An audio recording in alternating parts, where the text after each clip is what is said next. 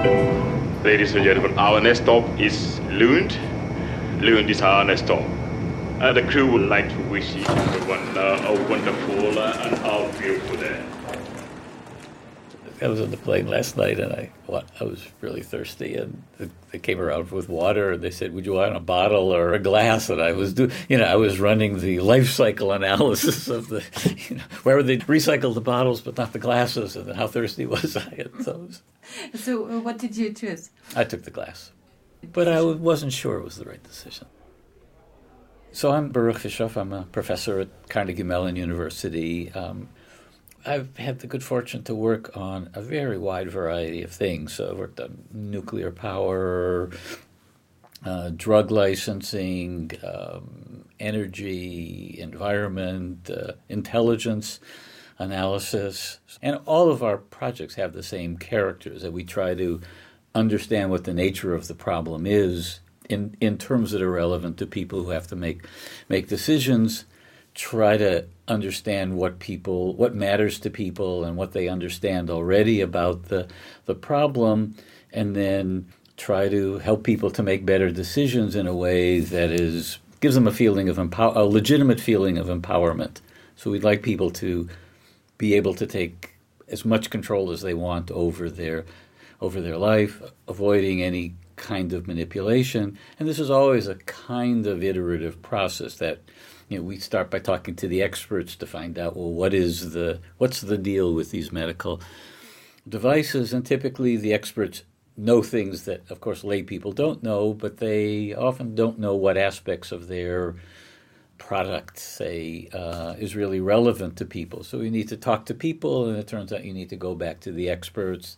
The experts are often not very good at characterizing the uncertainty in the decisions that they present to people. So, for example, if I've got a new medical device, if I'm a responsible producer, I will over time learn just how good it is. You know, what are the side effects? Does it work better with men or women? And if uh, I'm trying to be candid, honest uh, with a uh, with somebody who might consider this device, part of the uncertainty is how much I know now and how much I will know in six in six months, and you know, is there a better product that may come on the market? So, as a patient, I may say, well, I've got to decide whether I want to live with my pain for a while until we learn more about this medical device or this surgery, or hope that something else comes along. So, we work in this kind of interplay between analyzing the data and talking to people.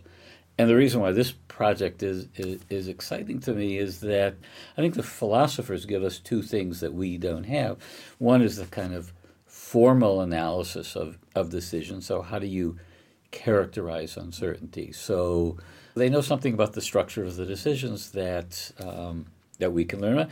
And second, they've thought a lot about the kinds of moral and ethical problems. So which that's part of their sophistication. So if I'm you know, a patient or a legislator or uh, you know somebody making a decision, I'd like to feel that when I've made the decision, that I've I know as much about the facts as as would make a difference to my my decision, say a serious decision, and that I've thought of every considered all the perspectives that might be relevant. So if I only thought about myself, and say, you know, you'll be living with this in the future, and your future self may have different thoughts about this, and we have, and you ought to consider the possibilities of of regret. Or this may feel good for you, but this may be, there's an the social values around this decision are evolving, and it might be, you know, you may be judged by other people by a standard that doesn't hold hold today. So the Fosters are very good at suggesting ways that uh, that people can uh, can think about problems. So I, and then I hope that you know that we repay the debt by saying, well, this is what we find that people actually worry about, or you have a debate between the philosophers about what would be most relevant to people. Well, why don't we ask them? And and that's part of our expertise is to ask them. The the project is defined between this uh, in terms of this fundamental tension between what science claims to know and what experts claim to know.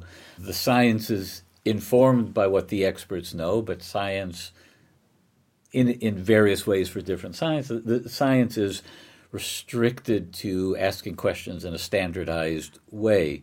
So there's a kind of richness that when you do an experiment, you have to make a decision to ignore some of that richness so that you have replicable uh, trials where you can aggregate results and do statistical analysis. So, and if you do that wrong, then then you're not taking full advantage of the proven experience of of clinical uh, uh, judges. Conversely, if you're cl- clinically in the field, you look at your own experience, and if you only go by your own experience, which is necessarily limited by by what you've seen, by the reality that you create, say, as a physician or a chemist or, or whatever, you're not taking full advantage of the of, of the science. So we'll be working on these problems in a, in a, in a variety of, of, of um, practical, probably mostly medical uh, arenas, and so we'll hope to you know bring some good to people by understanding some decisions better, and then